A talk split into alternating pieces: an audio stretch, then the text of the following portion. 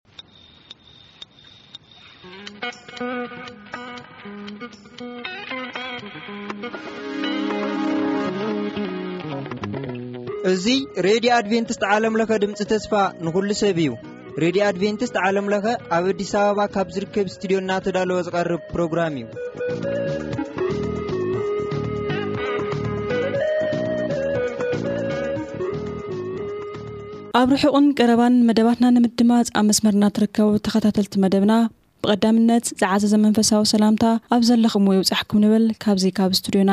ብምቕጻል ንሎሚ ዝህልወና መደብ። መደብ ክፍለጥ ዘለዎ እዩ። ምሳና ጽንሑ ሰናይ ምክትታል።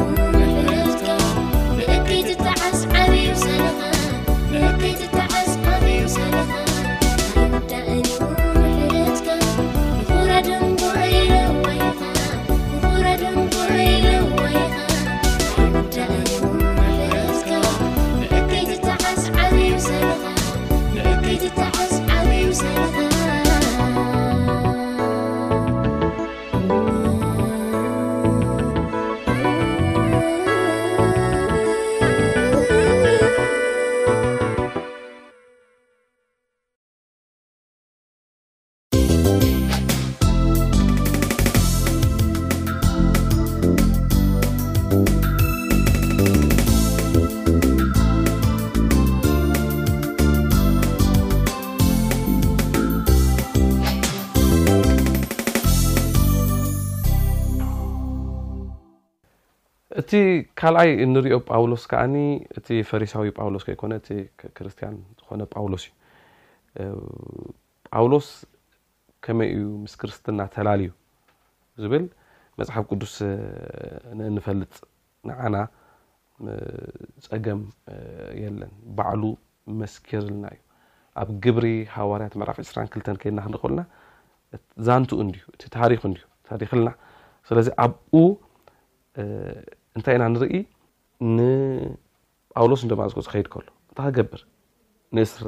ንቤተክርስትያን ከጥፍእ። ስለዚ ፍቓድ ረኺቡ እንዳኸደ ከሎ ኣብ መገዲ ሓደ ተጓንፎ የጋጥሞ ማለት እዩ። እንታይ እሱ ብርሃን ርኢ ደድሕሪኡ ወድቕ ዳሕራይ መን ኢኻ ንስኻ መጽእ ተሳደኒ ኣነ ክርስቶስ እየ እዚ ዝገርም ነገር ክርስቶስ እየ ስለዚ ክርስቶስ ምስ ቤተክርስትያን ክንደይናይ ንርእሱ ከም ዘተሓሕዞ ንሪኢና ምፍላይ ኣካል ክርስቶስ እንዳ ቤተክርስትያን ክበሃል ከሎ እዚ እዩ ንቤተክርስትያን ምትንካፍ ማለት ንክርስቶስ ምትንካፍ ከም ዝኾነ ኣብዚ ንርኢ ዋላ እኳ ንክሰብኽ ተዘይኮነ እዚ መደብ እዚ ታሪክ ንምዝንታው ግን ሓደ ሓደ ነጥብታት ንክንፈልጥ ከዓኒ ፅቡቅ እዩ ስለዚ ኣብኡ ዳሕራይ ክርስትያን ይኸውን። እዚ ነገር እዚ ዝሰምዑ ክርስትያን ይስምብዱ። ንምንታይ? ጳውሎስ ፈሪሳውያን ፈሪሳዊ ኣብ ዝነበረሉ እዋን ዝኾነ ነገራት ኣሎ። ብፍላይ ብፍላይ እስጢፋኖስ ሰማእት ኮይኑ ክሓልፍ ከሎ ኣብኡ ነይሩ እዩ። እቲ ክዳውንቲ ብምሉኡ ዝሕሉ ዝነበረ እሱ እዩ። ኣብኡ ደርብዮም። ሓደ ጎበዝ ነይሩ፣ መንእሰይ ነይሩ፣ ሳኦል ዝበሃል ዝተባህለ ነዚ እዩ። ሳኦል እቲ ኣይሁዳዊ ሽሙ እዩ። ካብ ቢንያም ነገር ስለ ዝኾነ ካብ ቢንያም ነገር ዝኾነ እቲ ንጉስ ንምዝኽኻር እዩ። ስለዚ ሳኦል ማለት ዓብይ ማለት እዩ። እቲ ናይ እቲ ንጉስ ሽም ምሓዙ ባዕሉ ቀሊል ነገር ኣይኮነን። ስለዚ እዚ ምስ ተሰምዐ ክቕበልዎ ኣይከኣሉን። እዚ ቀሊል ነገር ኣይኮነን። ክቕበልዎ ኣይከኣሉን እቶም ሃዋርያት ማለት እዩ።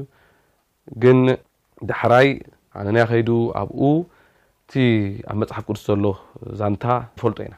ግን ኣብ ካልኣይ ቆሮንቶስ ምዕራፍ ዓሰርተ ሓደ ፍቕሪ ሰላሳን ክልተን ከድና ኣብ ንሪኦ ግን ጳውሎስ ዳሕራይ እንታይ እዩ ገይሩ ንሰለስተ ዓመት ኣብ ዓረብያ ኣብ ዓዲ ዓረብ ከም ዝነበረ እዩ ዝገልጸልና ኣብ ሰለስተ ዓመት ምሉእ ኣብኡ ከ እንታይ እዩ ዝገብር ነይሩ እንድሒልና እቲ ዘምህሮ ትምህርታት ይቕበል ነይሩ ራእይ ይቕበል ነይሩ ክርስትና እንታይ እዩ ይቕበል ነይሩ። ስለዚ እቲ ትምህርቱ እቲ ዘምህሮ ትምህርቲሲ ኣነ ካብ ማንም ኣይተማሃርክዎን ካብ እግዚኣብሄር ተማሂረ ዝብል ነዚ ምክንያት እዚ እዩ። ሰለስተ ዓመት ምሉእ ኣብኡ ከም ዝነበረ ከም ዝጸንሐ ኣብኡ ከኣ ብዙሕ ከም ዝተማህረን ከም ዝተሰርሐን እዚ ጥራይ ከኣ ከይኮነ እቲ እሱ ዝሰብኮ ስብከት ብምሉኡ ከኣ ኣብኡ ከም ዝተዋህቦ ኢና ንርኢ ማለት እዩ። ዳሕራይ ኣብ ገላትያ ምዕራፍ ሓደ ፍቕሪ ዓሰርተ ሸሞንተ ከይድና ከም ንርኢ መጺኡ ምስቶም መራሕቲ ዝበሃሉ ማለት እዩ ምስቶም መራሕቲ ዝበሃሉ ኣብ ኢየሩሳሌም ዝነበሩ ብፍላይ ከዓ ምስ ጴጥሮስ ኣብኡ ከም ዝተራኸበ ኢና ንርኢ ጴጥሮስ ኣብኡ ከም ዝተራኸበ ነቶም ካልኦት ግን ከም ዘይረኸቦም ኢና ንርኢ በቲ እዋን እቲ እቶም መራሕቲ ዝበሃሉ ኣብ ኢየሩሳሌም ዝነበሩ እቶም ዓንዲ ዝበሃሉ እቶም ጀመርቲ ዝበሃሉ ማለት ካብቶም ዓሰርተ ክልተ እውን እቶም ሰለስተ እዮም ጴጥሮስ ዮሃንስን ያዕቆብን ያዕቆብ ከዓ ብፍላይ እቲ ሓዊ ዮሃንስ ከይኮነስ ሓዊ ጎይታና ሓይና የሱስ ክርስቶስ ማለት እዩ ጳውሎስ ብፍላይ ብፍላይ ዓብይ ዝተፃወቶ ሚና ተሎ ኣብ ኣብ ኢየሩሳሌም ዘለዉ ክርስትያን እቶም ኣይሁድ ዝበሃሉን እንደገና ከኣ ኣብ ዲያስፖራ ዘለዉ እቶም ጽርኢ ዝዛረቡ ወይ ከኣ ግሪኽ ዝዛረቡ ክርስትያን ኣብ መንጎኦም ዝነበረ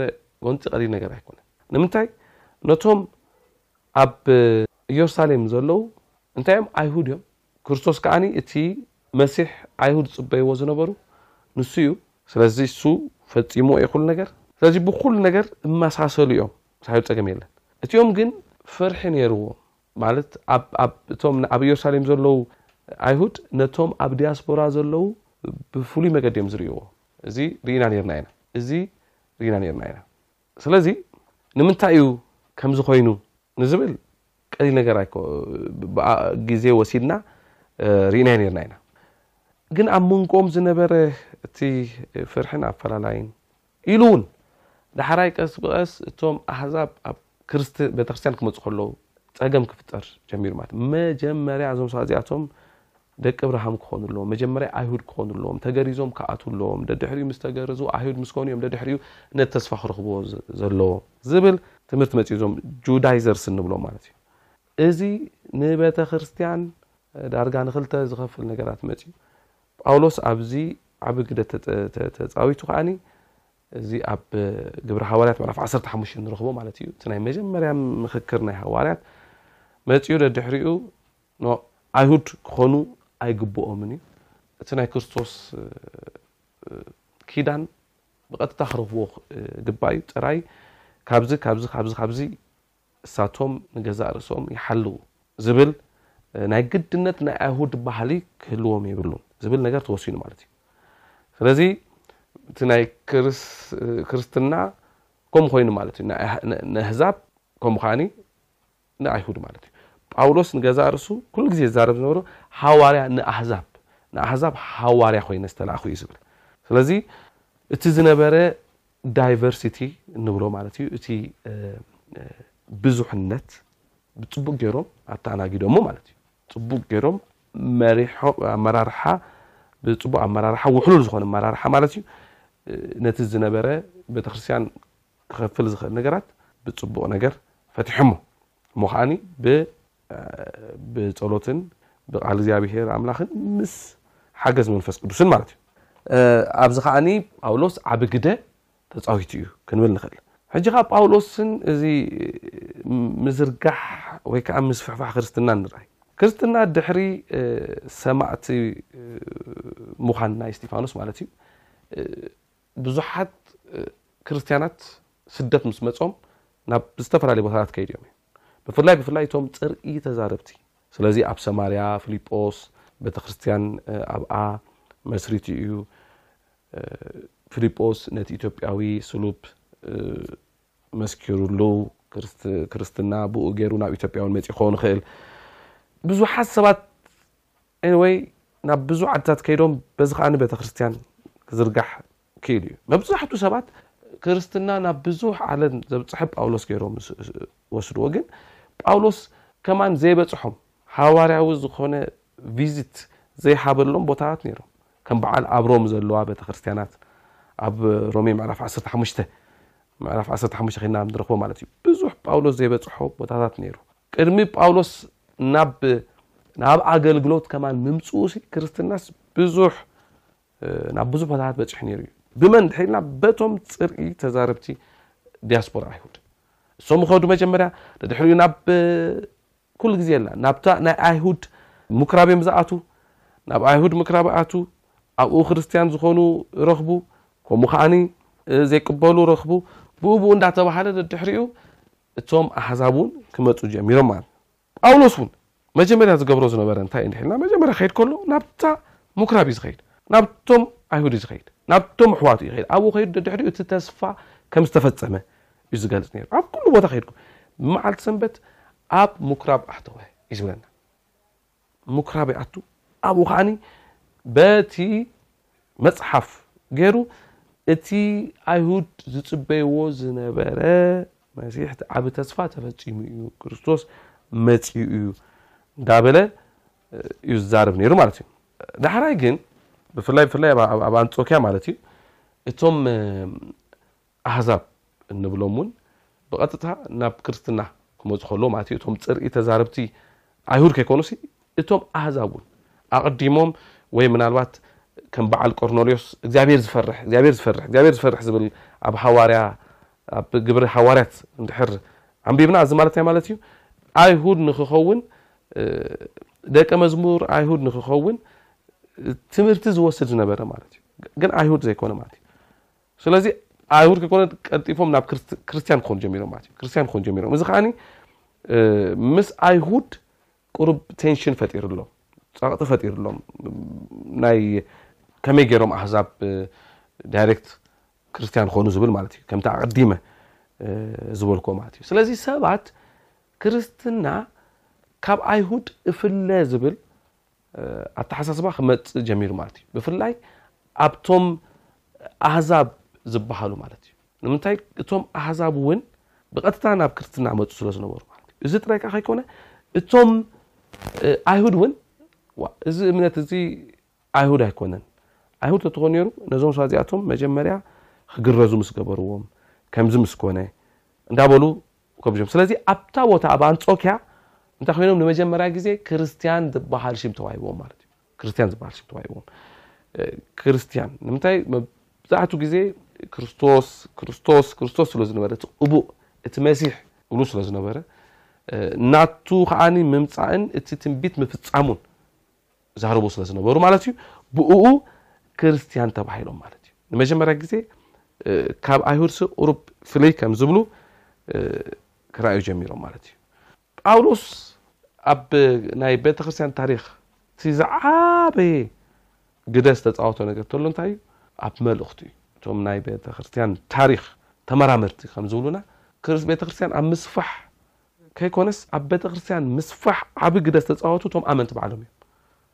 እዚ ማንም ናይ ቤተክርስትያን ታሪኽ ሊቃውንቲ ዝብልዎ እዮም። እቶም ኣመንቲ ብፍላይ በቲ እዋን እቲ ሮም ምቹእ እዩ ነይሩ። ንምንታይ ኩሎም ሓደ ቋንቋ ተዛረብቲ እዮም፣ ግሪኽ ተዛረብቲ እዮም። ዋላ እቶም ምዕራብ ንብሎም እቶም ላቲን ስፒከርስ ንብሎም እቶም ላቲን ዝዛረቡ እኳ ግሪኽ ፈልጡ ነይሮም። ላቲን ናይቶም ዓበይቲ ሰበስልጣን ናይቶም ሊሂቃን እዩ ነይሩ ስለዚ ግሪኽ ዓለምና ሙሉእ ዝሓዘ ስለ ዝነበረ እንደገና ከዓ ፅቡቅ ዝኾነ መገድታት ሮም ሰሪሑ ስለ ዝነበረ እንደገና ከዓ ፍሉይ ዝኾነ ስቴቢሊቲ ሰላም ስለ ዝነበረ እቶም ኣመንቲ ናብ ዝተፈላለየ ዓዲ ብዘይ ሓደ ፀገም እንደገና ናብ ዝተፈላለየ ኩርናዓት እኸዱ ስለ ዝነበሩ ፓስፖርት ዝሓቶም ቪዛ ዝሓቶም ስለ ዘይነበረ ደዋ ስለ ዘይነበረ በዚ ምክንያት እዚ ናብትን ናብትን ናብትን እንዳበሉ እቶም ኣመንቲ ክርስትና ኣብፂሖሞ እዮም ኣዘርጊሖሞ እዮም ግን ናይ ጳውሎስ ዓቢ ግደ እንታይ እዩ መልእኽቲ እቲ መልእኽቲ እቲ ፅሑፋቱ ሱሪ ሕጂ ኣንፈት ሂቡ ማለት እዩ ዳይሬክሽን ሂቡ ማለት እዩ ኣቕጣጫ ሰኣርእዩ ማለት እዩ ኣብቲ መልእኽትታቱ ናይ ጳውሎስ መልእኽትታት ፍሉይ ዝገብሮ ብፍላይ፣ ኣይሁድ ኮነ ኣይሁድ ኮነ ኣህዛብ ዝድሕኑ ብጐይታን ብመድሓኒናን ብኢየሱስ ክርስቶስ ጥራይ ምዃኑ ኣነጺሩ ይዛረብ እዩ። ጽድቂ ብእምነት ዝበሃል ጽድቂ ብእምነት ጽድቂ ብመ ንመን ብምእማን ንክርስቶስ ምእማን ማለት ካይ ንዕኡ ብሂወትካ ብምሃብ ማለት እዩ። ምእማን ማለት ምቕባል ማለት እዩ። እሱ ዝገበሮ ነገራት ኩሉ ናትካ ጌርካ ምስኡሲ ንገዛእ ርእስኻስ ኣይደንቲፋይ ምግባር ምስኡ ምምስሳል እቲ ናቱ ነገርሲ ናተይ እዩ ኢልካ ምስኡ ምትሕሓዝ ማለት ምትእስሳር ማለት እዩ። ስለዚ ጽድቂ ብእምነት እዚ ናይ መልእኽቱ ዋና መሰረት እዩ ነይሩ።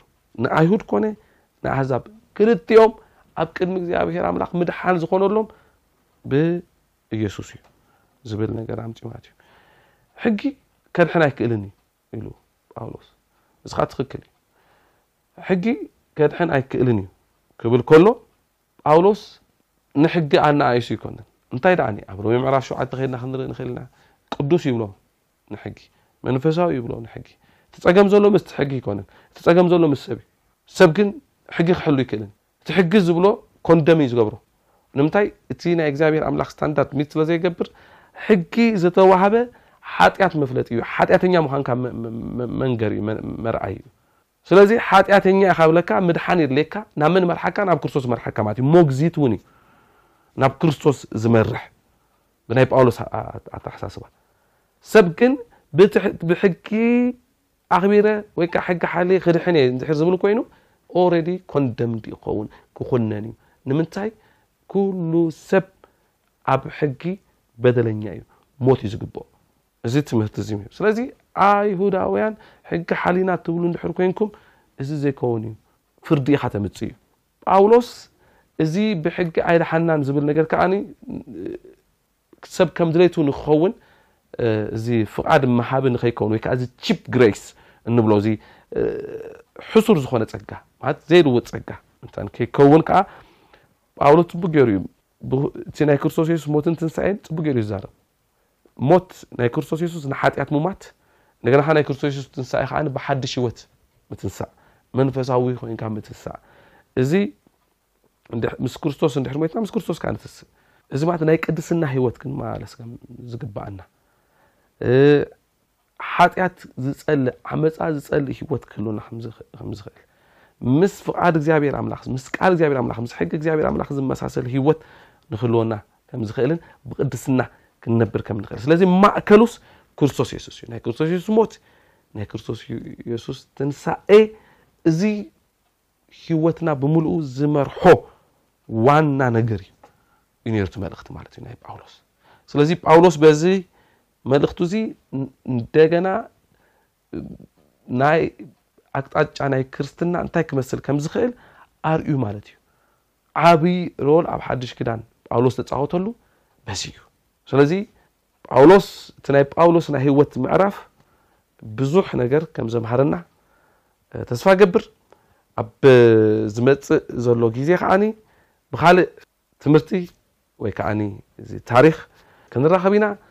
ክሳብ እቲ ዝመጽእ ዘሎ ግዜ ጸጋ እግዚኣብሔር ኣምላኽ ምስ ኩላትና ይኹን።